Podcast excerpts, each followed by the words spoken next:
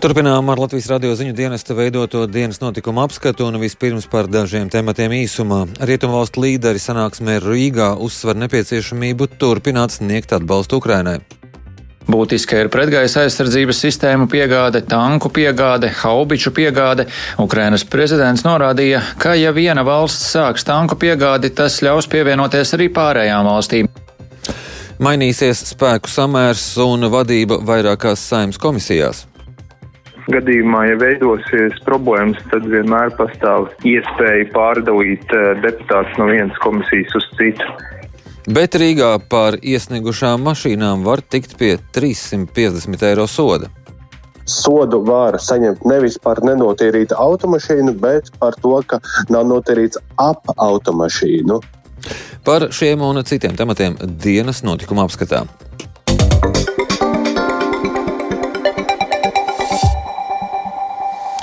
Par turpmāku atbalstu Ukrainai un ciešāku sadarbību drošības jomā Rīgā vienojušies apvienoto reaģēšanas spēku valstu un valdību vadītāji. Sanāksmes dalībniekus attālināti uzrunāja arī Ukrainas prezidents Volodimirs Zelenskis, kurš lūdza nodrošināt Ukrainai pretgaisa aizsardzību, tankus un citu militāru atbalstu. Sanāksmes norisei klātienē sekoja līdzi Rihards Plūme. Apvienotie reaģēšanas spēki ir līdzīgi domājošu valstu koalīcija, kas ietver augstas gatavības spēkus ātrai reaģēšanai uz krīzēm tālajos ziemeļos un ziemeļa Eiropā. Tajā ietilpst desmit valstis - visas ziemeļvalstis, Baltijas valstis, Nīderlandi un Lielbritānija. Šodien sanāksmē Rīgā tika pārunāta apvienoto reaģēšanas spēku valstu sadarbība tālākās palīdzības sniegšanā Ukrainai. Un kā pirms sanāksmes uzsvēra Latvijas ministru prezidents Krišjāns Jānis Kariņš, šobrīd ir jāizvairās runāt par miera procesu Ukrainā, ko varētu izmantot Krievija. Tā vietā jāturpina sniegt Ukrainai visa nepieciešamā palīdzība. Mums vairs nevienam nav ilūzija, ka vienīgais un reālais apdraudējums mūsu drošībai šajā reģionā ir Krievija. Un mums jādara viss, kas ir mūsu spēkos, lai šobrīd atbalstītu Ukraiņu, atbalstītu Ukraiņu tik ilgi un ar tādu apjomu, kāds ir nepieciešams. Mums ir jāizvairās no tā, kādā veidā pāragri runāt par kaut kādu mieru procesu Ukrajinā, mieru procesu, ko Krievija varētu izmantot, lai pārgrupētos un vēl niknāk uzbrukt Ukrajinai. Ukrainai ir tai, kurie jāvada un jāsaka mums, kas viņiem ir vajadzīgs, nevis mums, uh, Ukrainai. Tas būtu uh, jāsaka. Sanāksmē klātesošos ar video zvana starpniecību uzrunāja arī Ukrainas prezidents Valdemirs Zelenskis. Viņš sacīja, ka valstīm jādara viss, lai pātrinātu Krievijas sakāvi. Būtiska ir pretgaisa aizsardzības sistēmu piegāde, tanku piegāde, haubiču piegāde un arī cita veida militārā palīdzība. Ukrainas prezidents norādīja, ka ja viena valsts sāks tanku piegādi, tas ļaus pievienoties arī pārējām valstīm, lai sniegtu šāda veida atbalstu. Дорогі друзі, сьогодні на День Святого Миколая. Šodien, kad Ukrainā tiek svinēta Svētā Nikolaja diena, teroristi uzdāvināja Ukraiņu bērniem jaunus triecienus. Es aicinu jūs atbalstīt mūsu valsti ar stingru nostāju un sniegt mums to, kas varēs mums palīdzēt mainīt dinamiku ne tikai kara laukā, bet arī pātrināt mūsu virzību tuvāk uzvarai. Mūsu uzvara būs uzvara arī katram no jums un tas nozīmēs visas Eiropas un jūsu Eiropas tautu uzvaru. Uzvaru, ko sagaida visa pasaule. Kā žurnālistiem pēc sanāksmes sacīja Nīderlandes aizsardzības ministre Kaisa Olongrēna, valstis stingri atbalsta Ukrainu, un Zelenskis ir saņēmis skaidru ziņu no apvienotās rēģēšanas spēku valstīm, ka tās turpinās sniegt palīdzību un ieročus Ukrainai, un tās to darīs tik ilgi, cik nepieciešams. Nīderlanda Nīderlanda līdz šim ir sniegusi Ukrainai ieročus un militārās spējas 1 miljardu eiro vērtībā. Plānojam nākamo gadu. Baidāmies, ka šis gads var turpināties kādu laiku, un tam jābūt gataviem, kas nozīmē, ka arvien vairāk iesaistīsim industriju. Kad karš sākās un arī pirms tam, mēs sniedzām palīdzību no saviem krājumiem, bet karam turpinoties un attīstoties, arvien vairāk pasūtām, un industrijas palielina ražošanu. Mums būs jāturpina apgādāt Ukraina ar to, ko tai vajag, jo nevaram ļaut Krievijai uzvarēt karā.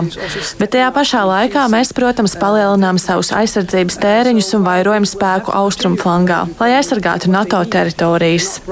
Mums jādara abas lietas, kas nozīmē, ka industrijai jābūt daļai no šīs spēles.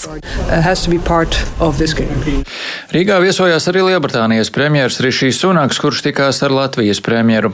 Sanāksmes ievadā Sunaks uzsvēra, ka Ukrainas tautas parādītās apņēmības dēļ Krievijas prezidents Vladimirs Putins sāk saprast, ka nespēja uzvarēt kara laukā, tāpēc viņš eskalē konfliktu, nesot šausmīgas sekas Ukraiņiem. Me,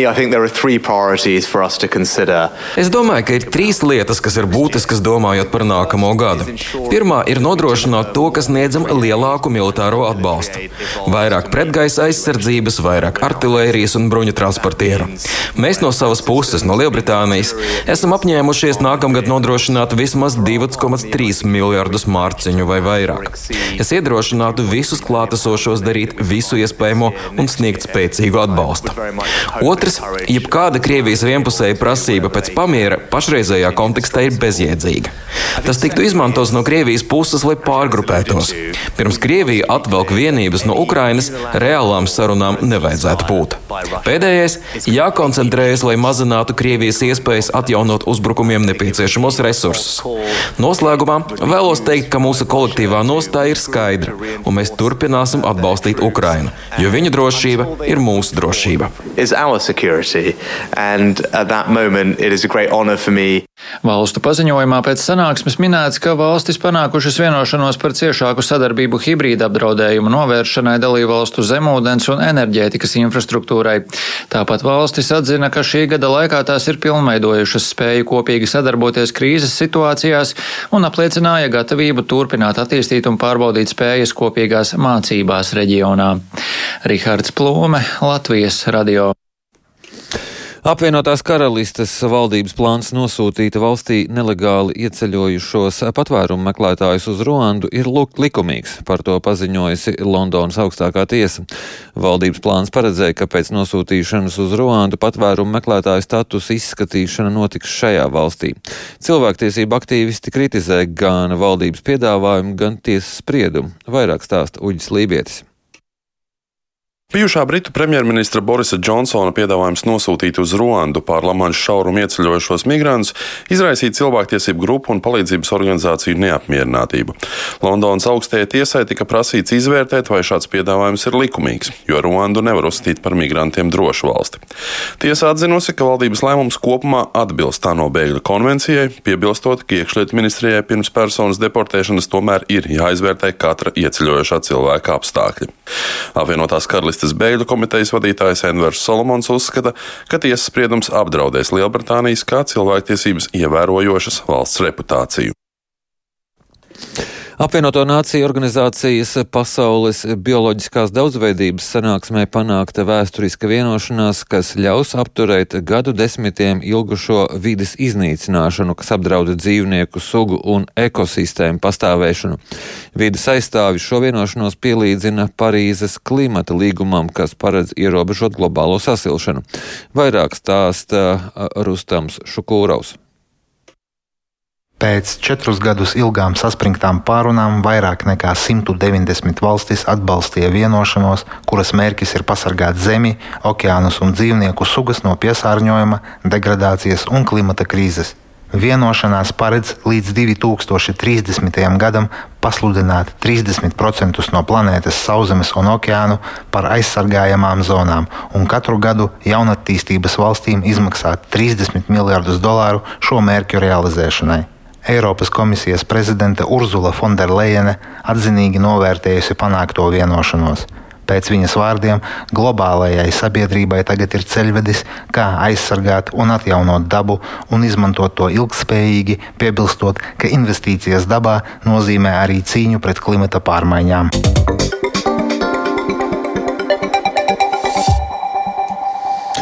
Valdība jau šonadēļ varētu, varētu lemt par kārtējo papildu 30 miljonu eiro piešķiršanu uzņēmumam Latvijas dzelzceļš saistībā ar zaudējumiem par iepriekšējo gadu.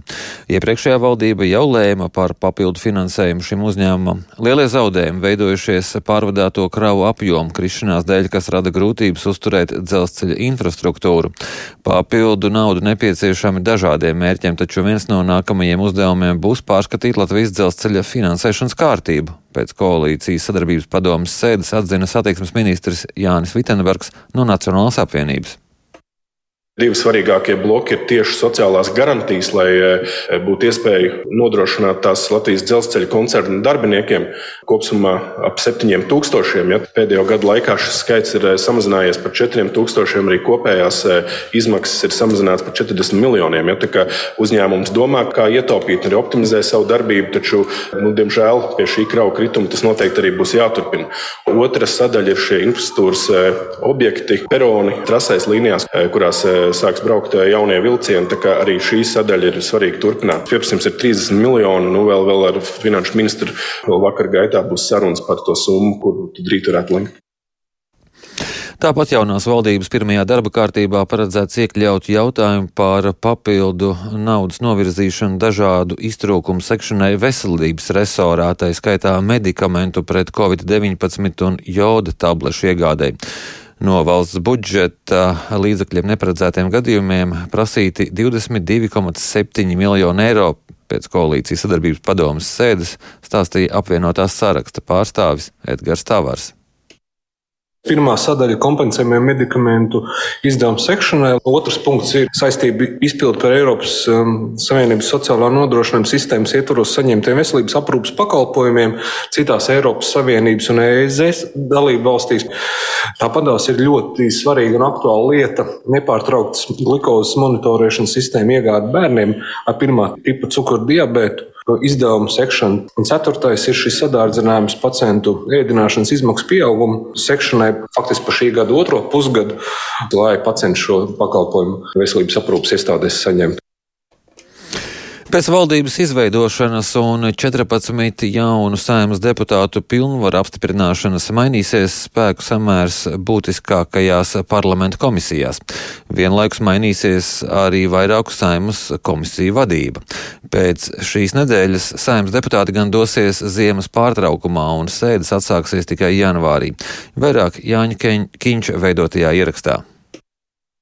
Topošās valdības veidotāju centieni izveidot enerģētikas un klimata ministriju un atsevišķu jomu pārvaldībā pieaicināt trīs ministru biedrus divas reizes saskārās ar saimnes juridiskās komisijas noraidījumu. Tas tāpēc, ka šajā komisijā līdz šim vairākums bija saimnes opozīcijai. Tas gan netraucēja divos lasījumos šos likumprojektus izskatīt un pieņemt saimnes sēdē. Latvijas radio jau vēstīja, ka tas izpelnījās daudz opozīcijas nopēlumu par sliktu likumdošanas praksi. Decembra sākumā intervijā raidījumā krustpunktā šo situāciju ar neizpratni vērtēja arī bijušais politiķis ar ilgu pieredzi parlamentā Andrejs Panteļējevs. Kā var pieļaut, ka galvenajā komisijā, saimā, galvenajā likumdošanas komisijā, juridiskajā koalīcijā nav vairākuma? Tagad ir tā atgādnā situācija, komisija noraida un tad tas virzās uz saimu. Tagad tur sākās jau interpretācijas, ka tas tā kā ir pretī kārtības rulim, ka uz saimu var iet tikai uh, tie, kas komisijā atbalstīt, bet man liekas, tas nav pareizi, jo tad neviens opozīcijas likums nevarētu aiziet. Bet šo es nesaprotu, jo ļoti daudz labas idejas jau var nogremdēt vienkārši nu, kaut kādā procesuālā kārtībā viņas uh, nepārtraukti bremzējot. Uzreiz pēc jaunās valdības apstiprināšanas notika izmaiņas arī parlamentā, kurā uz ministru pilnvaru laiku mandātus ieguva 14 deputāti. Līdz ar to sāktas izmaiņas vairāku saimnes komisiju sastāvā. Pagājušajā nedēļā no juridiskās komisijas atsauca opozīcijā esošo progresīvo frakcijas deputātu Atišu Vinku, kurš turpmāk darbosies aizsardzības komisijā. Taču vienlaikus juridiskajā komisijā nostiprināt koalīcijas pozīcijas plāno arī apvienotā saraksta frakcija, stāsta tās vadītāja vietnieks Juris Viļums. Par juridisko es tieši uzveicu vienkārši, ka es arī runāju ar kolēģiem, kā frakcijas vadītāja vietnieces, arī meklēju iespējas, ka varbūt mēs te varētu deleģēt arī otru pārstāvu. Juridiskā komisija ir svarīga.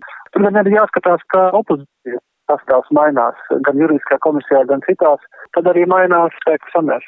Šonadēļ plānots īstenot vēl vairākas izmaiņas saimnes komisijas sastāvā. Nesasteigta deputātu pārcelšana no komisijas uz komisiju izvēlas Nacionālā apvienība, stāsta tās pārstāvis Jānis Dombrava. Mēs skatīsimies, kā tas darbs noritēs. Opozīcija ir piedāvājusi, ka būs ļoti produktīva, lietišķa un tam līdzīga problēmām nevajadzētu būt, bet uh, gadījumā, ja veidosies problēmas, tad vienmēr pastāv iespēja pārdalīt uh, deputātus no vienas komisijas uz citu.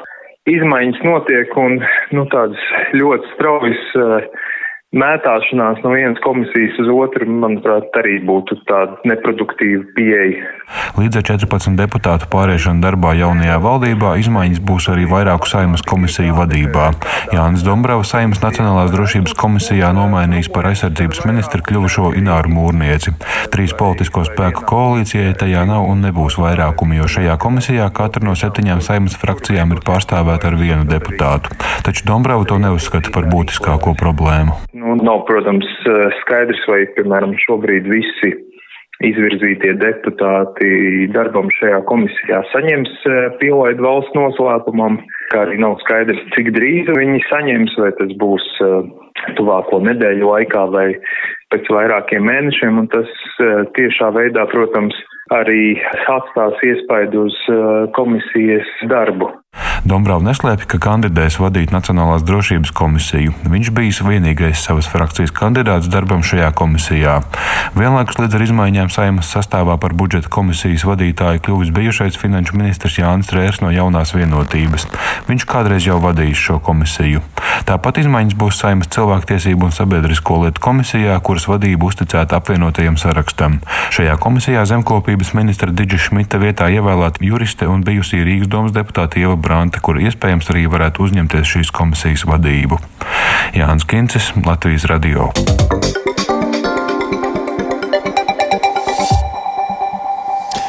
Liepājas siltumapgādes uzņēmumam Liepājas enerģija izdevies nedaudz samazināt apkures tarifus, ko apstiprināja Sabiedrisko pakalpojumu regulēšanas komisija.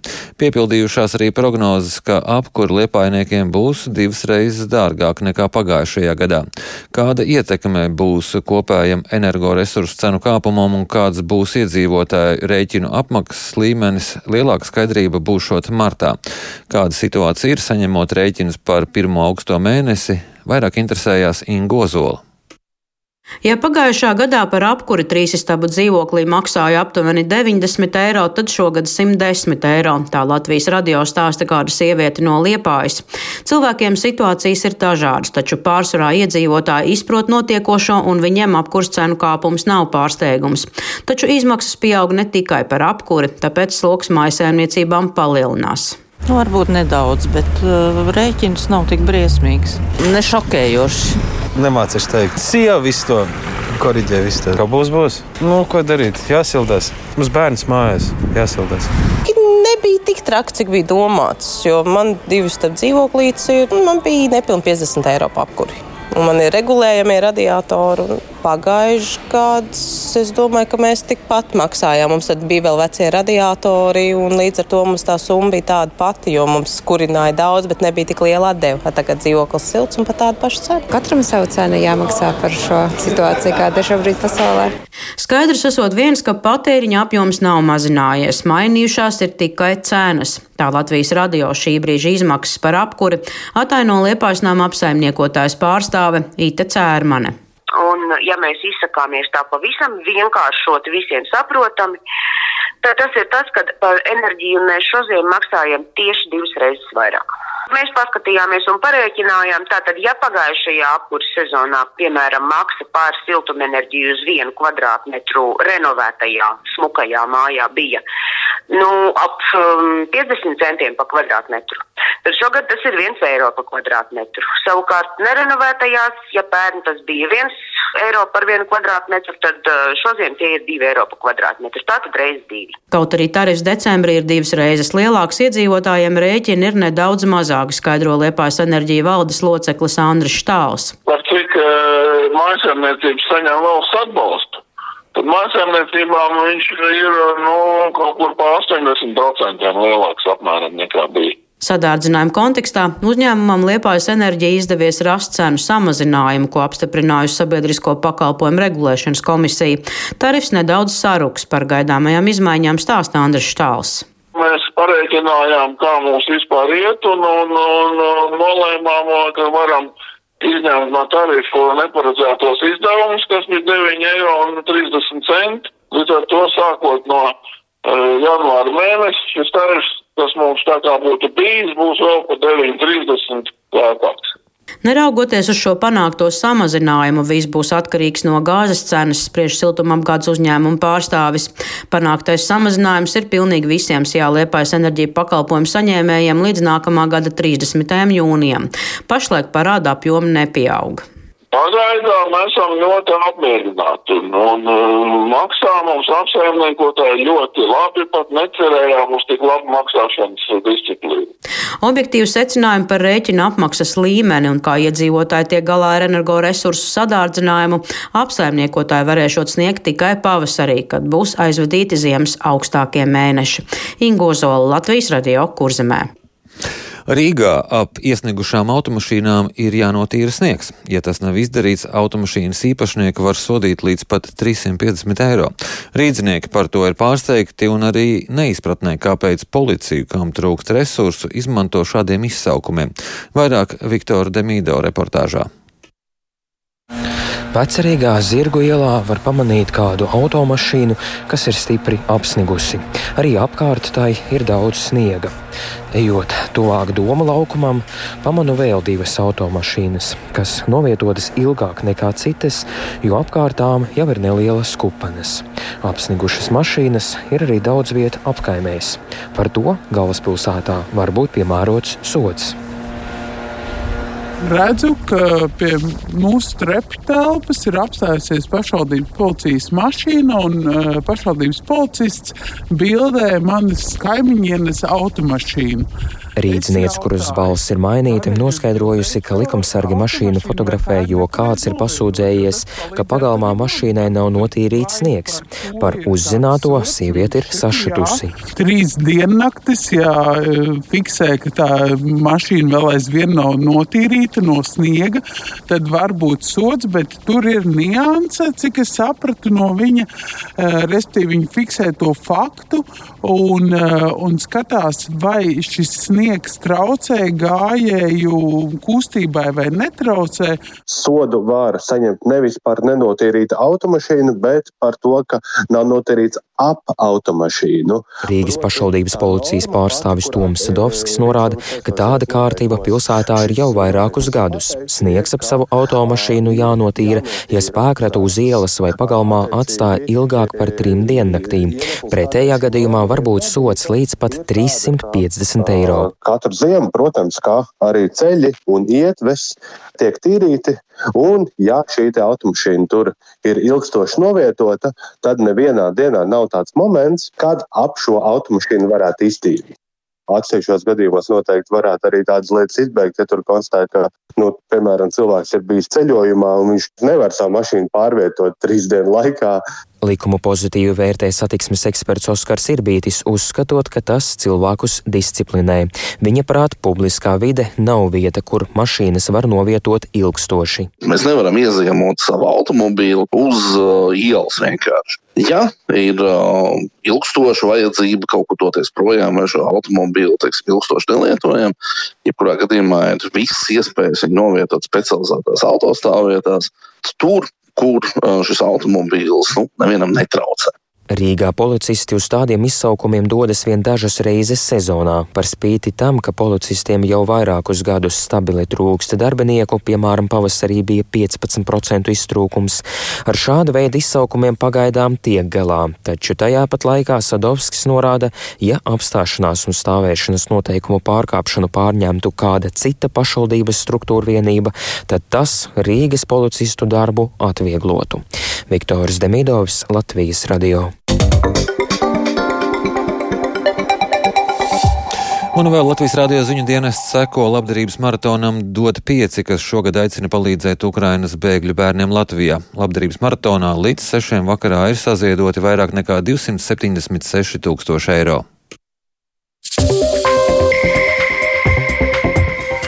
Dienas notikuma apskats izskan. Redījuma producents Edgars Kupčs, ieraksts montēja Jūls Grīnbergs, pie skaņa pults Rīta Karneča studijā Lauris Zvejnieks. Mūsu ziņām var sekot līdzi Latvijas Rādio 1 Facebook lapā un LSMLV.